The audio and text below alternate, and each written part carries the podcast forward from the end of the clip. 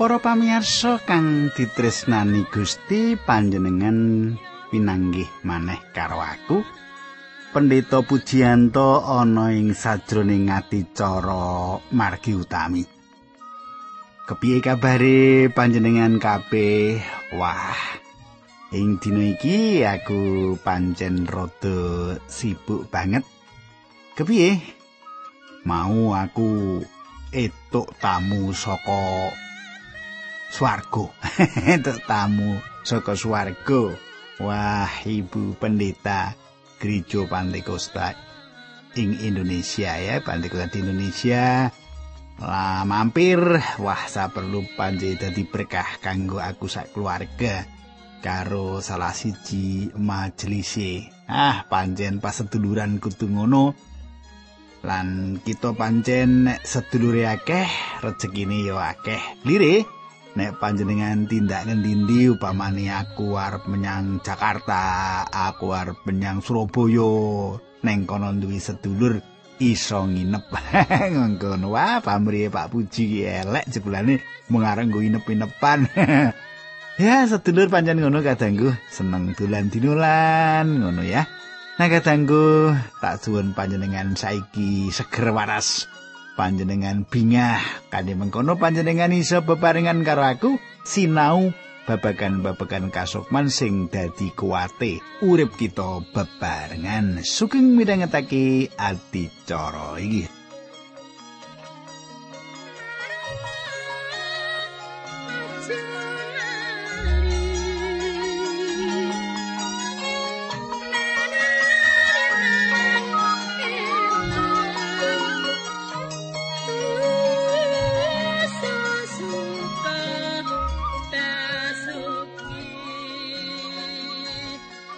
Katanggu kang dak tresnani apa panjenengan isi kelingan sing tak aturake nalika patemon kita kepungkur kae?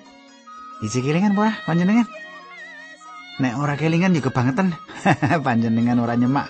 Ih lalinan kok Pak, kula niki yo aja lalinan ya. Engko ora repot nek lalinan iki ra kaya pikun wis mangan kok durung mangan nggih.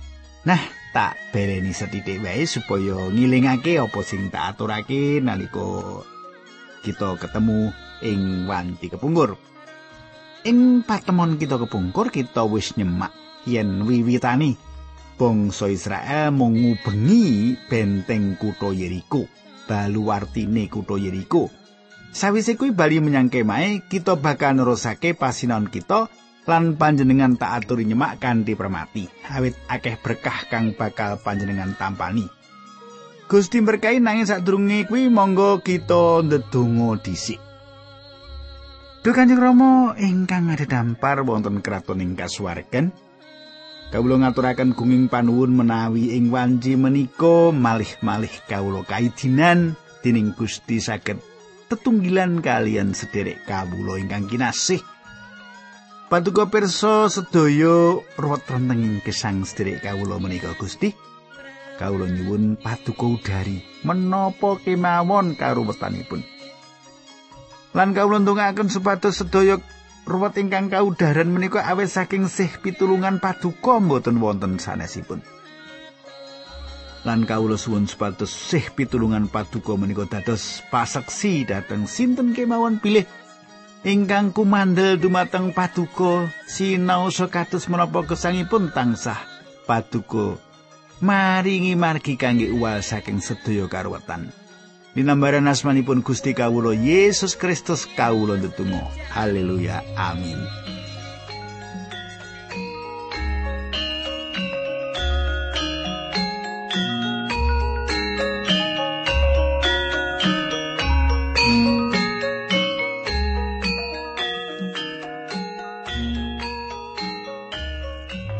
Kadangku kang ndak tresnani pasinaon kita saiki wis ngancik ing Yusak bab 6. Pasinaon kita saiki wis ngancik Yusak bab 6 lan aku bakal maca wiwit ayat 13 nganti 14. Mengkene surasane panjenengan gatekake.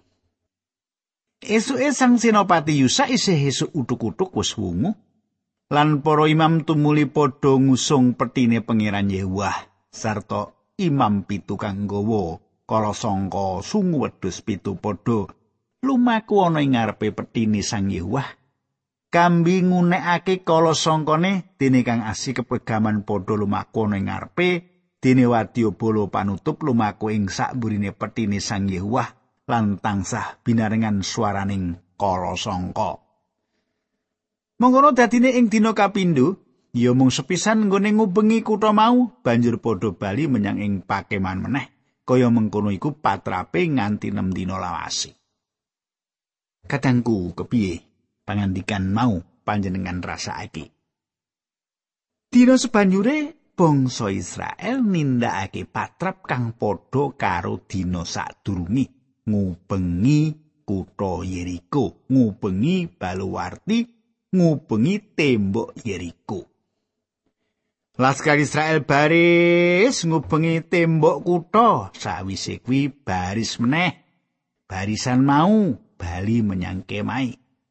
Saben dina lawase 6 dina laskar mau nindakake mengkono terus. Terus ayat 15. Nanging bareng ing dina kapitune kabeh padha tangi wayah bangun esuk nalika wektune bang-bang wetan tumuli padha ngubengi kutha. Patrape kaya mengkono iku uga nganti rambah ping pitu mung ing dina iku nganti rambah kaping pitu nggone padha ngubengi kutha mau. Katangku dadi ing dina kapitu laskar Israel baris ngubengi tembok kutha Yeriko sepisan maneh. Laskar Israel baris ngubengi sepisan maneh. Laskar mau anggone ngubengi ping telu lan kaping pat. Ayat 16.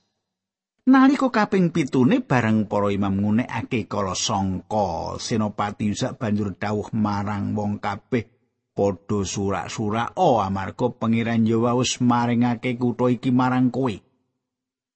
Mlumpat ayat 20. Wong kabeh tumuli padha surak-surak binarung suarane kala sangka mau. Sawise wong sabangsa kabeh krungu swaraning kala sangka banjur padha surak-surak kalawan soro. Dumadakan balawartine jugruk lan wong kabeh tumuli padha munggah ing kutha siji-sijine lumaku ngenut neri dewi-dewi lan ngrebut kutha mau. Ketengku kang dak tresnani tembok kutha Yeriko rubuh rata karo lemah. Apa kang dadi jalaran aku kadudut atiku yaiku pangandikane Gusti Allah meratelakake yen tembok iku rubuh rata karo lemah lan buktine kelakon tenan. Iman wong pracaya. Iman wong pracaya ora sumindi marang sekope wong arkeolog. Marga saka pracaya baluwartine kutha Yeriko padha jugruk sawise diubengi pitung dina lawase. Panjenengan iso maca Ibrani 11 ayat 30. Yeriko nggambarake donya marang wong percaya. Yeriko nggambarake donya marang wong percaya. Pangandikan iku kuat lan geterake ati lan ngedapi-dapi anggone ngrebut iku gumantung ana ing iman. Amarga satinge apa kang lair saka ing ngalah iku ngalahake jagat. Ana dene kaunggulan kang ngalahake jaket iku ya iku pracaya kita. Siji Yohanes 5 ayat 4. Ibrani 11 meratelake kepiye iman makarya abatan. Mengabat-abat atusan tahun ing sadurunging uripe para abdi pilihane Gusti Allah. Sawetara para abdi mau ngadepi cecongkrahan donya lan ngawekani kanthi iman. Katengku apa Yusak menangake peperangan Yeriko. Ora, Yusak babar pisan ora perang. Yusak mung baris ngubengi kutha iku. Banjur sapa kang perang? Gusti Allah kang nindakake kabeh mau. Ana kang kandha yen sawijining lindu dumadi nalika ing sadroning wektu kang mbebayani kuwi nalika para imam ngunekake kala sangkane lan kabeh wong asurak lan swara kang ngagetake kuwi dadi jalaran ambruke benteng kutha. wong liyane kandha yen barisan wong-wong Israel ngubengi kutha kuwi dadi jalaran merupuke tembok dadi banjur rubuh. Panjenengan bisa percaya iku menawa panjenengan ngersakake aku luwih seneng apa kang katulis dening kitab suci. Gusti Allah nampani kamenangan, antuk kamenangan Israel dadi duweni kutha mau. Sawijining prakara kang gedhe kang diadepi akeh-akeh wong percaya jaman saiki yaiku wong-wong pracaya mbudidaya menangake peperangan Yeriko lan ngawekani merantasi donya. Nanging panjenengan lan aku perlu wiwit nampa dawuh saka Senopati kang bawahi panjenengan pemimpin keselamatan kita. Panjenengan gatekake rong prakara kanthi ringkes kawitan uripe Rahab diayomi. Ayat 23 nganti selawi mengkini surasane Yusa bab 6. Nanging sang Senopati Yusa banjur ngendika marang wong loro kang biyen padha nelik negara mau padha lumebu ing omahe wong wadon tuna susila kae wong iku gawanan metu saka ing kono dalasan sak keluargane kabeh kaya kang wis dadi supatamu marang dhewe. Wong nom kang dadi telik mau banjur padha mlebu rahab bapa biyunge sarta sedulure dalah saking wong kang tunggal sak omah karo dheweke ya sak keluargane kabeh padha digawa metu nuli dipapanake ing sak njabaning pakemahane wong Israel Nanging kutane dalah saisine kabeh tumuli diobong ing geni, mung kang arupa sloka lan mas twin piranti tembaga lan wesi iku padha dilebokake ing pasimpenaning Raja Brono ing padalamane Pangeran Yehuwah kaya mengkono dadine Rahab wong wadon tunu susila sak keluargane sarta kabeh kang melu dheweke kabeh ya padha diparengake lestari urip dening Sang Yusa banjur tetep pamanggone ana ing tengahing bangsa Israel nganti saprene amarga saka anggone ndelikake wong kang diutus dening Sang Yusa nelik kutha Yeriko. Kadangku selaras karo janji wong Israel. Wong Israel nyelametake nyawa Rahab lan keluargane kabeh kang kumpul ana ing omahe. Panjenengan gatekake uga yen Yusa meratelake sawijining pangipat-ipat marang sapa wae kang bakal mbangun kutha mau. Coba panjenengan semak ayat 6 likur. Ing nalika semono sang Senopati Yusa asubaos pangandikani. Wong kang bakal tumandang bangun kutha Yeriko iki kena ing laknat ana ing ngarsane pangeran Yehuwa.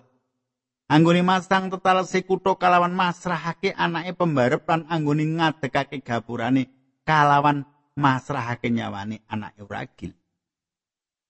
Kadangku kita bakal nyemak nalika kita sinau siji rojo-rojo 16. Kutha Yeriko dibangun meneh.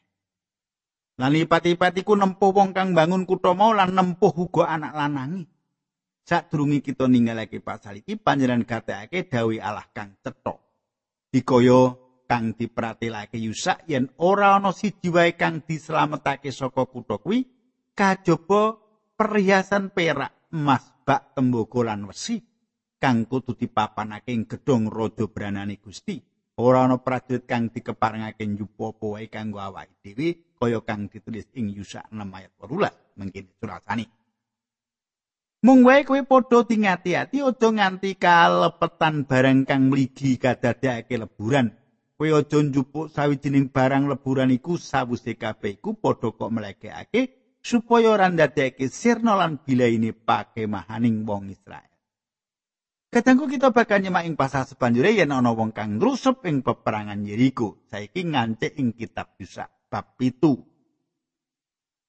Mungsuh kang gedhe dhewe panjenengan yaiku mungsuh kang gedhe dhewe panjenengan, mungsuhe panjenengan yaiku badan panjenengan di. Lho sakit Pak, kok badan kula? Mungsuh kuwi manggon kulit kang padha karo panjenengan nggoni. Mungsuh panjenengan kuwi nggunakake utek kang padha karo kang panjenengan gunakake kanggo mikirake pikiran-pikiran kang rusak. Mungso panjenengan nggunakake tangan-tangan kang padha karo kang panjenengan gunakake kanggo nindakake pegaweane. Mungso iki bisa ngrusak panjenengan luwih saka kang liyane.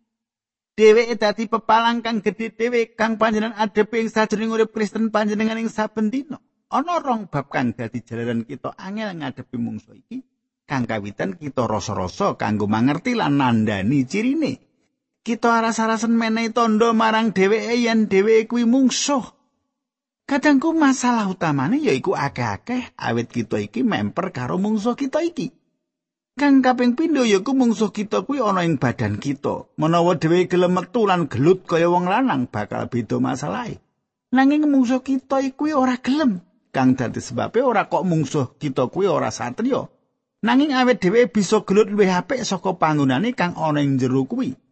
Bangsa-bangsa, kutha-kutha, gereja-gereja lan pribadi-pribadi wis dijur dening mungsuh saka njero iki. Rusia ditelokake komunisme ora kok awet Jerman menet saka njaba, nanging awet doktrin iki tuwa saka njero. Ana sawijining carita ing jaman biyen cerita kuwi bisa dipercaya saiki dianggep yen mung dongeng.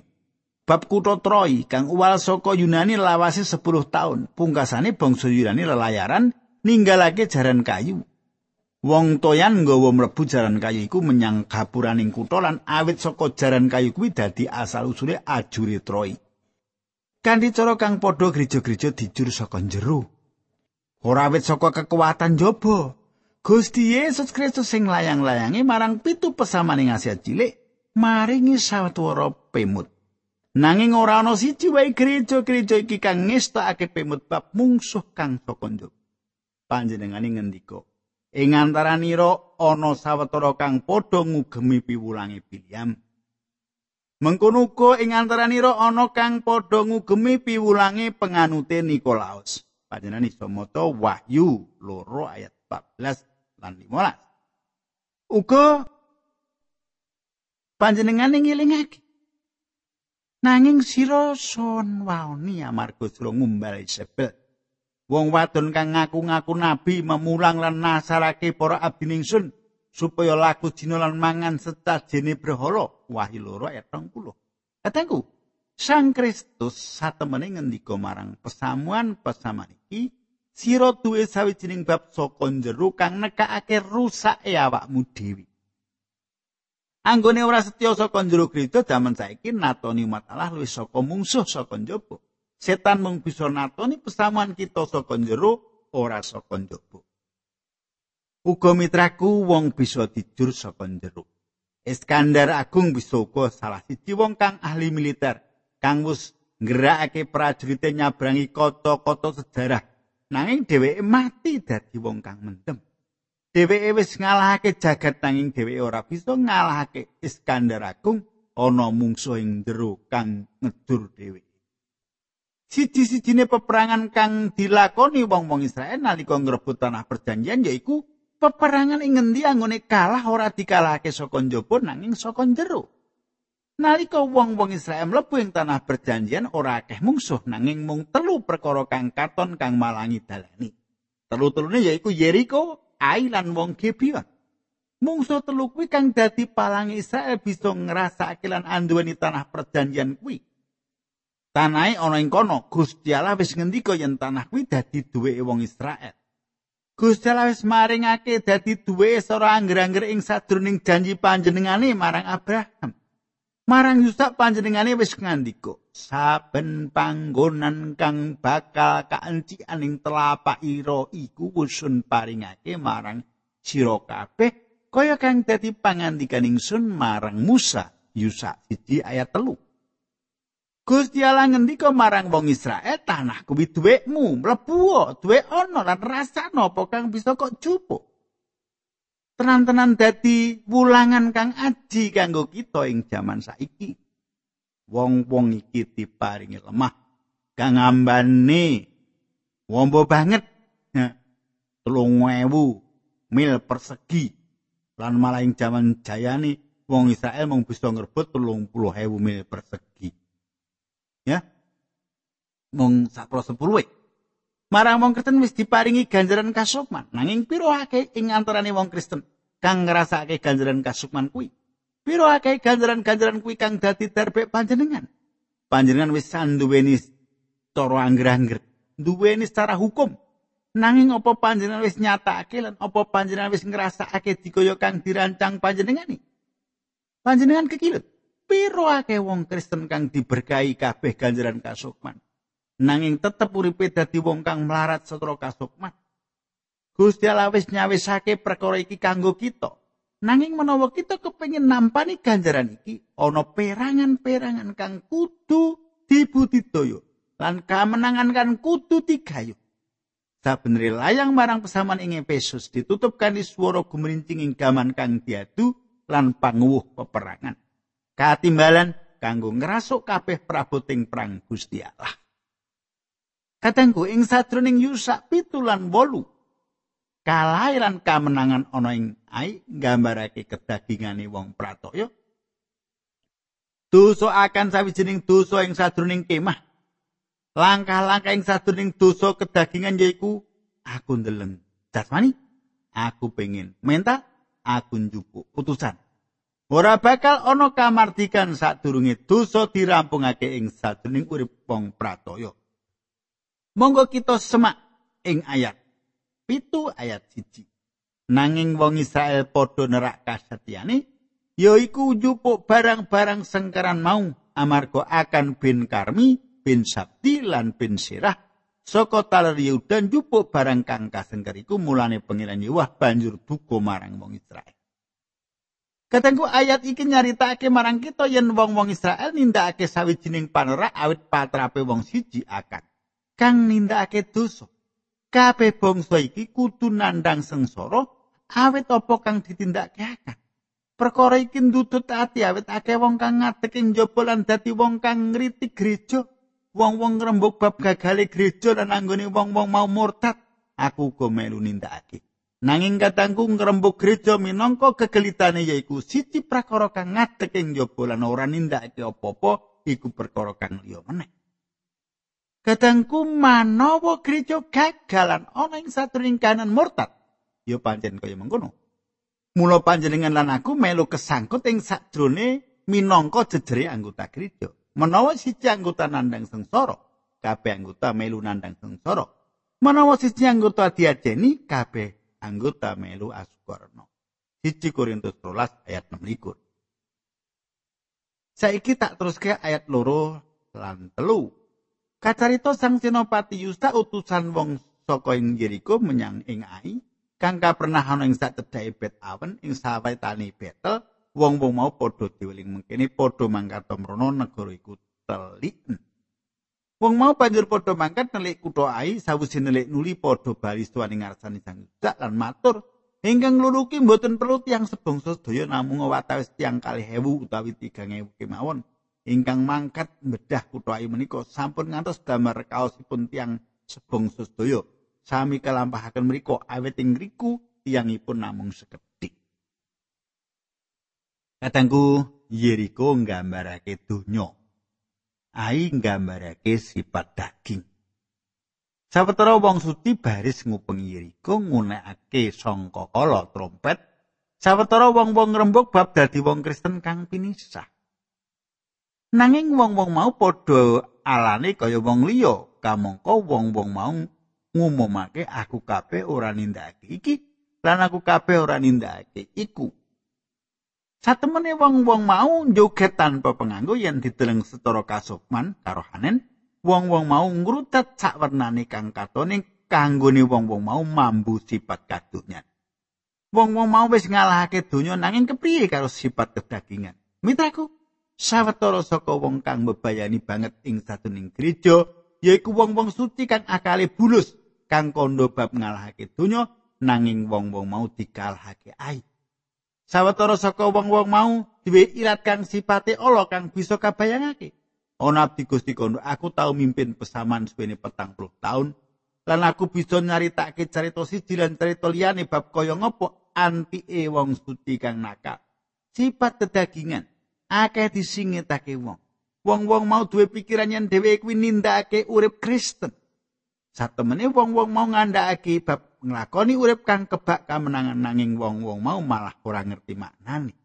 Urip kang menang yaiku sugenge panjenengane yaiku panjenengane kang nampani kamenangan lan dudu kita.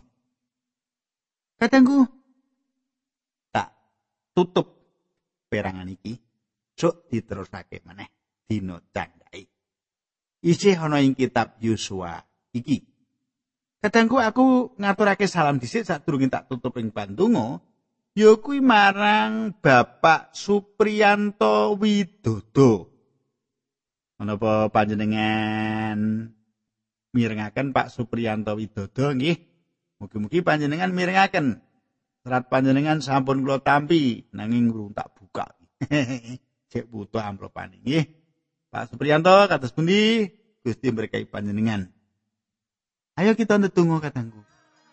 Duh Kanjeng Rama ing swarga kawula matur nuwun bilih kawula saged sinau kaya tosan dawuh pangandikan Paduka. Kawula nyuwun Gusti berkahi kawula sami linambaran asmanipun Gusti Yesus Kristus kawula nutung. Haleluya. Amin.